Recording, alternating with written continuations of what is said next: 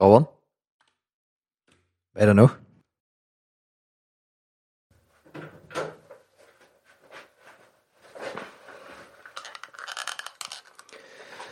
Zo, dan laat ik gewoon erin zitten hoor. Wat? Dat gat van eh, een paar minuten. Ja. Ja. ja. Dat zou ik er ook niet uitknippen. We editen toch nooit wat?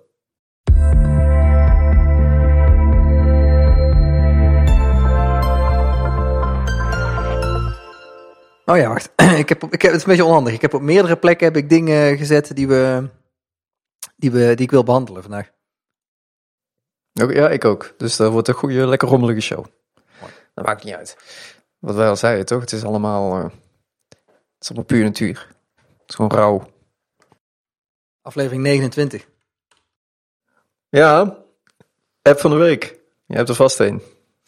Klopt. Ik, eh, ik moest wel even denken vandaag, want ik, eh, ik heb deze week niet zo heel veel apps geprobeerd. Maar toen bedacht ik me in één keer dat ik eh, vorige week, eh, in het begin van de week, iets eh, heel leuks tegenkwam. Het is al een wat langer bestaande app. En ik weet zeker dat die jou ook aanspreekt. Oh. En het is een, een app-tip in combinatie met een tip voor, tip voor een app. Hey.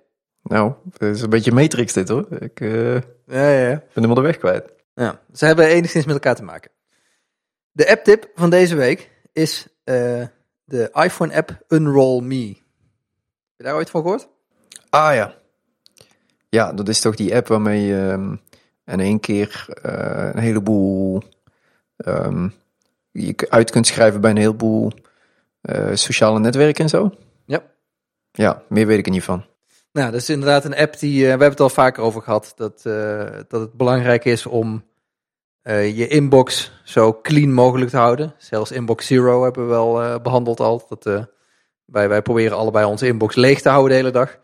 En dat is eigenlijk niks vervelender als nieuwsbrieven die dit binnenkomen. Ik heb er eentje van Coca-Cola waar ik me niet van afkom. En allerlei andere belachelijke nieuwsbrieven, KPN, Telfort. Stuur me allemaal nieuwsbrieven. Bij de meeste nieuwsbrieven probeer ik me meteen af te melden, maar dat werkt niet altijd even goed. En daarvoor hebben ze dus de app Unroll Me verzonnen. En wat die app doet is, daarmee meld je je aan met je, met je Gmail. Je moet er wel een Gmail-account voor hebben of een Hotmail-account, geloof ik. En eh, als je dan aanmeldt, dan gaat hij in je eh, e-mailbox gaat hij zoeken naar nieuwsbrieven. Oh, oh. Hè, maar ik dacht dat voor eh, social media was, zeg maar, om je, om je account te deleten. Of Nee, was dat, nee, nee, dat heet toch ook zo? Ik dacht dat, oh, oké, dat was wat anders. Moet eens opzoeken. Daar heb je ook zoiets voor. Nee, dit is, dit is, dit is echt speciaal gemaakt voor, eh, voor e-mails. En wat hij dan doet, is dan laat hij alle nieuwsbrieven zien die je hebt. En eh, bij elke nieuwsbrief kan je swipen naar links of naar rechts. Of je hem wil eh, behouden of verwijderen. Oké.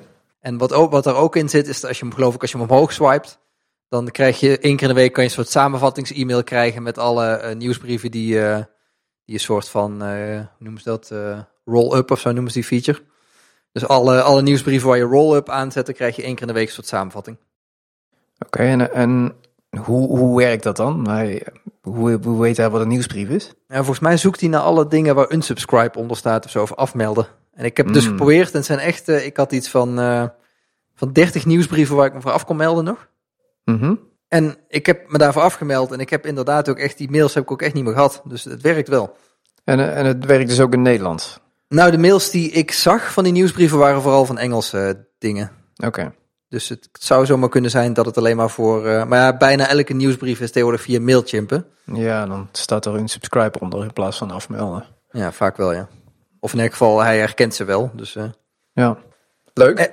En de tip die daarmee te maken heeft, is ik, eh, ik vertelde deze app eh, aan een vriend van mij. En die, die kwam eigenlijk met de terechte opmerking van... ik vind het altijd een beetje vervelend om met mijn Gmail-account in te loggen. Want je geeft dan eigenlijk gewoon zo'n app, geef je dan toegang tot je hele mailbox. Ja, ik- het is, het is grappig. Ik wou daar net over beginnen, maar vertel verder. Ja, en eh, ja, dat klopt. En ik, ik betrapte mezelf dus een beetje op dat ik daar dus deze keer dus helemaal niet over nagedacht had. Ik, ik zag die app, ik downloadde de app, ik gaf hem toegang tot, eh, tot mijn Gmail. Ik heb die dingen afgeswiped en toen heb ik er eigenlijk niet meer over nagedacht. Totdat die, die vriend van mij daar dus over begon van, eh, ja, hij- ze hebben nou gewoon wel toegang tot je mail. Gewoon oneindig eigenlijk. Daar geef je nou toestemming voor. Ja. En wat ik me toen bedacht is, ik zal eens een keer kijken. Je hebt binnen Gmail heb je zo'n pagina waar je kan zien welke applicaties allemaal gebruik kunnen maken van je e-mail. En dat was echt een waslijst van, ik denk wel, uh, misschien wel 30 applicaties. En, uh, en ik denk dat het ook wel een tip is voor iedereen die luistert hier en die Gmail gebruikt. Open de pagina in de show notes en vink eens even wat apps uit die toegang hebben tot je e-mail. Want er zijn ongetwijfeld een hoop apps uh, die je niet meer gebruikt, die nog wel steeds toegang hebben tot je e-mail. Wat echt gevaarlijk kan zijn. Ja, ik heb, ik heb de tweet gezien. Ik heb nog niet op de link geklikt, maar ik zal zeker eens even kijken.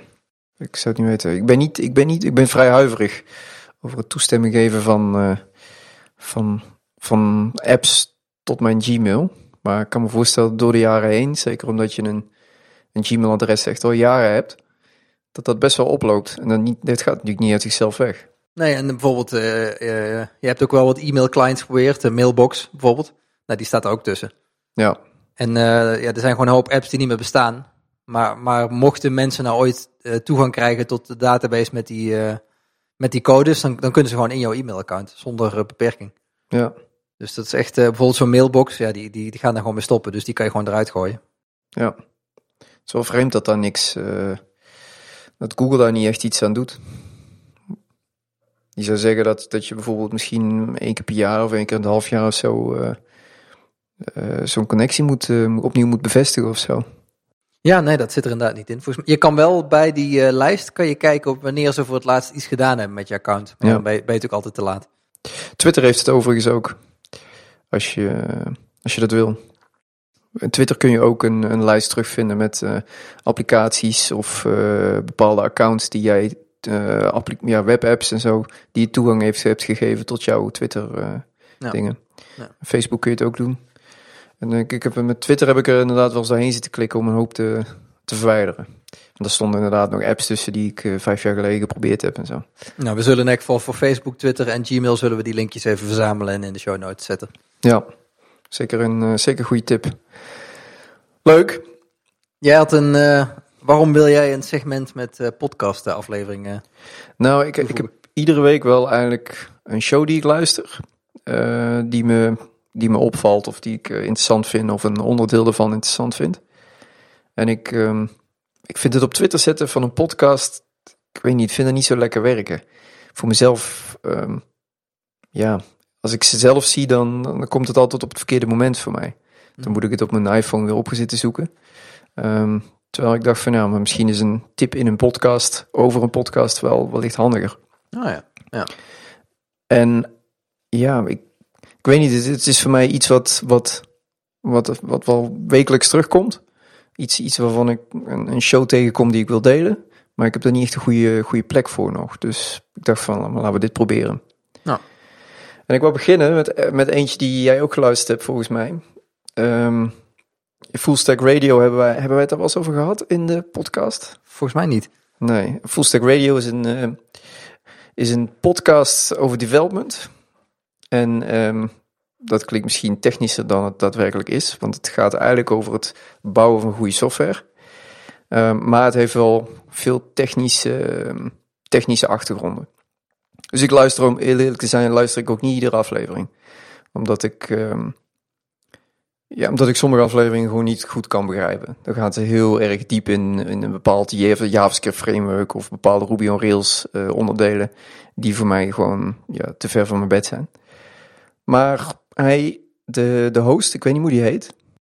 Wa- Watson, Adam Watson. Ik weet niet hoe je het uitspreekt. Volgens mij uh, vernachelijk het die nou. Maar eh, die jongen is een super goede interviewer. En dat vind ik zo, zo super sterk. Ik wou eigenlijk dat hij meerdere shows ging maken. Naast deze. En dan wellicht iets, iets, iets ruimere topics. Misschien ook iets meer richting design of, uh, of, of over start-ups of zo.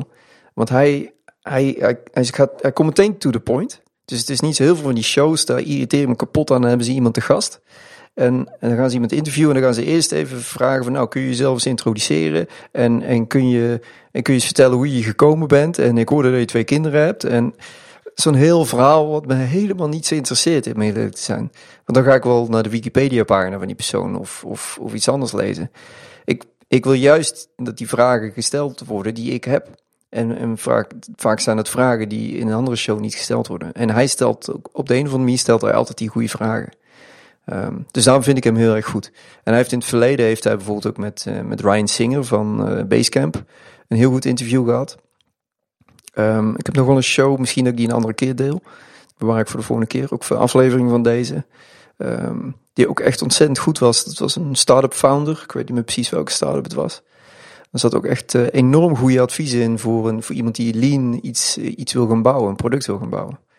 En deze afgelopen week, ja, het was net voor, uh, net voor de kerst, had hij een aflevering met David Heinemeijer Hansson van Mhm. Basecamp. Ja. En we hebben het een tijd terug wel eens gehad over waarom, um, waarom zij opnieuw zouden beginnen. Hè? Nou, we hebben het er vooral over gehad uh, waarom wij bij Timey de keuze hebben gemaakt om uh, een oneindige versie uh, te hebben. Daar hebben we ook een keer een blogbericht over geschreven. Uh, het idee bij Timey is dat we altijd blijven werken aan Timey en dus steeds kleine iteraties beter worden. En we zullen nooit een Timey 2 gaan maken die compleet anders is. En uh, in die discussie hadden we het erover dat bij Basecamp, dat ze daar dus wel uh, voor kiezen. Ze hadden dus eerst Basecamp 1, 2 en nu 3. En ja, zij pakken daar dus eigenlijk een hele andere aanpak dan wij. Ja, en zij werken natuurlijk ook wel ondertussen wel door aan die, aan die nieuwe producten. Maar uh, die, die, jongens die zijn best wel slim en ik heb die best wel hoog staan. En ik, ik vond het zo vreemd waarom zij, waarom zij die keuze maakte, omdat er zoveel nadelen aan. Best wel veel enge migraties. En, um, en ik kan me niet voorstellen dat ze het alleen maar deden omdat ze graag aan iets nieuws werkten. Het is natuurlijk heel verleidelijk om lekker aan iets nieuws te beginnen. Zeker als je aan een softwareproduct werkt wat al acht jaar oud is of zo. Um, maar wat ze, hij legde eindelijk een keer, en dat, de Jason Fried, de co-founder van, van Basecamp, die, die, die heeft dat voorheen in andere reviews, interviews niet zo goed uitgelegd. Maar hij legt in, in deze, deze aflevering, legt hij eindelijk een keer goed uit waarom ze, en, en met een goede, geeft hij een goede reden waarom ze opnieuw beginnen. En dat is eigenlijk omdat ze, ze, ze willen hun, uh, hun oude gebruikers, die vaak best wel veel tijd geïnvesteerd hebben en uh, hun tijd in hun personeel geïnvesteerd hebben om, uh, om Basecamp te leren um, en een bepaalde werkwijze aan te nemen, willen ze niet hun nieuwe ideeën opdringen. Maar tegelijkertijd om hun product en om hun bedrijf stil, niet stil te laten vallen, moeten ze wel blijven doorontwikkelen. Ze, ze krijgen natuurlijk concurrenten en als zij, als zij stil blijven staan, dan, dan, dan, dan halen hun ze in. Dus een soort tweestrijd waar ze zitten. Dus vandaar dat zij ervoor kiezen om nieuwe versies te lanceren. Iedereen die heeft de kans om over te stappen naar een nieuwe versie. Maar heeft ook gewoon de ruimte om te blijven bij de oude versie. En ja. blijft ook gewoon supported. En uh, nu begrijp ik wel in één keer heel erg goed waarom zij die keuze gemaakt hebben. Ja, wat zij zich volgens mij ook heel terecht realiseren is dat heel veel mensen die integreren zo'n uh, pakket als Basecamp helemaal in hun dagelijks uh, werk gewoon bij een bedrijf. Er zitten allerlei waarschijnlijk geautomatiseerde systemen die bijvoorbeeld projecten aanmaken, uitlezen. Dat soort dingen zijn allemaal custom gemaakt voor Basecamp. Op het moment dat je dat dus steeds gaat aanpassen, betekent dus ook dat een bedrijfsproces gewoon steeds op zijn gat ligt. Op het moment dat zij een update doen.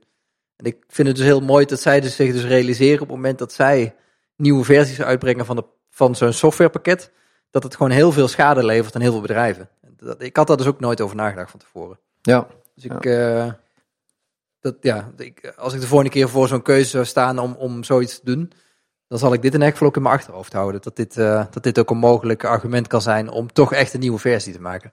Ja, en hij, um, hij verklaart ook bijvoorbeeld in diezelfde aflevering. In dezelfde aflevering zit ook heel veel technisch uh, rails verhaal. Hij heeft het heel lang over action cable en uh, hoe, je, hoe je ervoor komt dat je die client-side en server-side code, code duplication voorkomt en dat soort dingen. Um, maar hij heeft het ook over um, hoe bijvoorbeeld hun organisatie hoe, hoe de structuur van hun organisatie uh, technische beslissingen beïnvloedt. En waarom zij er bijvoorbeeld voor kiezen om heel veel met webviews te doen in apps. Omdat zij zo'n klein development team hebben, hebben zij niet de ruimte om compleet native apps voor ieder platform te maken. En vandaar dat zij ervoor kiezen om, uh, uh, om met die webviews te werken. Dat het minder werk is en dat makkelijker met zo'n team te handelen is. En, ja, en hij zegt ook inderdaad, als je oneindig budget en oneindig groot team hebt, dan, dan zou je het waarschijnlijk anders oplossen. Maar zij hebben gewoon een team waardoor dit gewoon een hele goede beslissing is. Ja, en hij wil, zijn, hij wil zijn team ook weer niet verder laten groeien, dat is niet nodig. En, en, en nog een stukje advies, en dan zou ik ophouden, anders heb ik heel de aflevering verteld, of je niet meer te luisteren. Um, Hij, wat ik heel erg sterk vond, is dat hij op een gegeven moment zegt... eh, een heleboel start-ups, mensen die bedrijven beginnen... Die, die kijken naar Google, die kijken naar Apple, die kijken naar Amazon... en die zeggen dan, oh, hun doen het zo, dus wij moeten het ook zo gaan doen. Want dat is goed. Ehm, maar dat is ontzettend dom om te doen, is wat hij zegt. Hè. Je kijkt naar bedrijven die compleet anders gestructureerd zijn. Hele andere, eh, met hele andere dingen bezig zijn. Veel malen groter zijn dan jij. Waarom zou je in godsnaam naar hun kijken? Om, eh, waarom zou je jezelf met hun gaan vergelijken? Je haalt jezelf echt een heleboel ellende op de hals. Ehm, ja, de, hun manier van werken is heel anders. En dat, dat, dat sluit ook een beetje aan met wat hij zegt. Als jij een heleboel mensen hebt, dan kun, je, dan kun je heel andere technische besluiten gaan nemen. Dan kun je inderdaad die verschillende apps gaan maken. Maar als je dit niet hebt, dan moet je hun niet proberen na te gaan doen. Dan moet je niet proberen die, uh, die drie apps, uh, die vier apps te gaan maken. Om, om hun maar na te doen. Dan moet je andere oplossingen gaan zoeken. Dat was dat stuk over uh, microservices, toch? Waar, waar ze eigenlijk vertellen op het moment dat je zo'n Amazon en al die andere grote bedrijven, die hebben eigenlijk hun applicaties eigenlijk opgedeeld in, in, in honderd kleinere applicaties. En dat, dat noemen ze microservices. En bij Basecamp kiezen er eigenlijk voor om één hele grote applicatie te, te maken die heel veel doet. Dat, en dat is dan makkelijker met een klein team te, te beheersen. Ja, ja, ja. Daar, daar inderdaad, daar zit dit, daar zit dit stukje in. Dus ik, ik vond het super, super interessante aflevering. En wat ik zeg, volgens mij kun je op een gegeven moment wel, als je, als je niet, niet van code of niet, van, niet thuis bent in Ruby on Rails, dan, dan wordt het misschien wat heftig. Maar ik ben, ik ben er doorheen gekomen, dus, dus dat komt vast wel goed. Ja, ja, je moet daar een beetje omheen kunnen luisteren inderdaad. Ja, dit zijn af en toe wat, wat stuk. Volgens mij is het voornamelijk de eerste helft is, uh, is, is, gaat wat meer over hun organisatie. En waar we het net over hadden. En daarna wordt het wat technischer volgens mij. Dus um, ja, wellicht kun je alleen de eerste helft luisteren. Nou, we hebben het over, uh, voor de duidelijkheid even, over aflevering 32 van Full Stack Radio. Ja, ja Building Basecamp Tree Like a Porsche 911. Dus we zullen je link in de show notes natuurlijk. Ja. Moeten we verder nog ergens over hebben? Dan kun je het intro muziekje doen. Wat is de pre-show dit? Ja. Had, je, had je opname aanstaan? Of? Oh nee, ja, jawel. Oké. Okay. Of moeten we nog heel even over Scrum in het onderwijs hebben? Ja, en we hadden, wat vorige keer hadden we gezegd dat we het over uh, backlog gingen hebben nog. Oh ja. Maar... Um, zeg het maar. Ik kan er wel iets over zeggen, maar ik kan daar geen tien minuten over praten. Maar misschien is dat juist wel goed. Nou, misschien is het... Uh, ja, laat ik beginnen. Of ja, ja, dan begin ik en dan neem jij hem over. Um, vorige week heb ik het gehad over um, Scrum in het onderwijs, hè? Ja, toen hebben we het gehad over uh, hoe je stand-ups kan toepassen, hoe je retrospectives kan toepassen. Ja, en um, ik, ik heb er een klein beetje ervaring mee, dat, dat heb ik vorige week ook verteld. Maar ik zou, ik, ben, vorige, ik weet niet of het vorige week gezegd heb, maar ik zou er echt nog zoveel uh, meer mee willen doen. En volgens mij ligt er zoveel kansen voor, voor Scrum daar. En uh, jij zei achteraf ook van, er ligt ook heel veel ruimte voor bijvoorbeeld een backlog of zo, hè? Ja, en dat is, maar dat zei ik niet alleen bij een project, maar ik, ik zou willen dat toen ik met op school zat, dat ik had ontdekt dat als je een lijst maakt met dingen die je gaat doen, en dat zeg maar visualiseert in, in, een, in een bord met verschillende kolommen, dan, dan maakt het zoveel duidelijker wat je aan het doen bent en wat je moet gaan doen. Dat je gewoon veel productiever wordt op je school ook. Dus ik, ja. zie me echt voor me dat ik bijvoorbeeld mijn opdrachten van, van de lessen die ik heb, dat ik die gewoon in één kolom zet. En op het moment dat ik eraan begin, verplaats ik naar de volgende kolom. Als ik klaar mee ben, derde kolom. Gewoon op die manier, net zoals je het ook bij Scrum doet. Dat, dat, daar maak je je werk gewoon inzichtelijk mee. En krijg je gewoon, weet je gewoon precies altijd wat je moet doen. Ja, ja en, je zou bijvoorbeeld, uh, wij hadden althans, ik weet niet of dat voor iedere opleiding geldt, uh, een wekelijkse projectbegeleiding met een projectbegeleider. Dus die, die, daar spreek je wekelijks mee af. En, en dan een, een, in project, op projectbasis zou je natuurlijk ook een heel mooi backlog kunnen maken. En dan, en dan een wekelijks sprintje kunnen houden. Waarbij je zegt op vrijdag spreken we af, dan hebben we een soort demo. En daarna spreken we af wat we de volgende week af gaan hebben. En die, en die, die projectbegeleider is een soort product owner daarin. Ja, en op het moment dat je dus in het project zit, ga je alles op stickies schrijven. En uh, op, op, bij de projectbespreking neem je gewoon de stickies mee die je hebt gedaan. Dat is ook nog super makkelijk om het te bespreken. Ja, ja inderdaad. Dus het, het, het is eigenlijk heel erg simpel, um, simpel toe te passen op die manier. Ik, ik snap ook bijvoorbeeld niet waarom, waarom iets als nou, Scrum is wellicht nog. Ik heb het gevoel dat voor heel veel van die opleidingen Scrum nog te, te IT, te ICT-achtig is of zo. ik, ik weet niet waarom, maar dat gevoel krijg ik er een beetje bij. En, maar, maar bijvoorbeeld iets van Getting Things Done is ook iets wat je volgens mij in jaar één eh, geleerd zou kunnen krijgen, waar je de rest van je leven plezier van hebt. Ja. Ook al pas je misschien niet alles toe. Ja, daar hebben we het ook al in eh, le- aflevering 11 over gehad. Hè? Dat eigenlijk GTD zou iets, wat mij betreft, zijn wat je al op de basisschool eh, zou moeten krijgen. Ja, ja eigenlijk wel, ja. Mooi. Dus dan eh, die, die kleuters met zo'n eh, met zo'n klein notepadje petje aan hun broeksriem. Ja, inderdaad. Ja. Toetje opschrijven. Met, Inboxje in de rugzak. ja, precies. Met de noodteken van de David Allen Company op zak. Ja, ja, naar school toe. Ja. Ja, mooi. Dus Ga ik je thuis wel doen hoor. ja, dat, daar ben je van plan, ja? Nou, zo, het wordt hier essentieel, deel van de opvoeding. Als aan mij ligt. Oké, Maar gelukkig ben jij niet de enige die beslist. Nee, precies. Oh, mooi is dat. Ja, hebben we nog meer deze Nou, week? Of? eh, nou ja, goed. Een van die vragen was dus hoe blijf je gemotiveerd eh, voor school? En volgens mij is gewoon echt het werk inzichtelijk maken, zowel wat je moet doen en wat je gedaan hebt. Dat houdt mij altijd gemotiveerd als ik naar zo'n lijst kan kijken. Oh ja, oh ja, we hadden natuurlijk nog meer vragen van luisteraars. Ja, Ja. ja. inderdaad, ja. En, en, en wat mij heel erg motiveert eh, ook is aan het einde van de dag eh, kunnen kijken naar wat ik gedaan heb. Ja, exact. Ja. Dus eh, het niet zozeer de, de lijst aan zich. ehm, als ik er 's ochtends naar kijk, dan, dan word ik wel zo overweldigd. Maar als ik aan het einde van de dag kijk en ik zie wat ik dan allemaal gedaan heb. En ik, eh, ik zie al die afgecheckte dingetjes staan, dan, dan motiveert me dat wel om dat de volgende dag weer te doen. Ja. Ik krijg het veel meer gedaan. En ehm, ja, en grotere dingen, bijvoorbeeld dan voor als we het dan hebben over motivatie, is eh, ophakken vind ik heel erg belangrijk. Dat is echt iets wat ik de, de, in de loop van de jaren wel echt geleerd heb, is ehm, iets is pas een to-do als het echt actionable is. Als je er echt iets mee kan gaan doen en als het ook echt klein genoeg is om iets mee te doen. En heel veel mensen die schrijven dan een to-do op en dat is dan bijvoorbeeld ehm, een to-do in, de- in de vorm van een project beschreven. Ik noem maar iets, eh, de portfolio bouwen, om maar even iets te zeggen. Ja. Maar dat is natuurlijk geen to-do, dat kun je natuurlijk niet in één keer doen. Dat, dat, daar gaat een heleboel aan vooraf en dat doe je, eh, daar moet je een heleboel verschillende dingen voor doen. En het project is natuurlijk een portfolio bouwen en die losse dingetjes, eh, maak het zo klein mogelijk zou ik zeggen.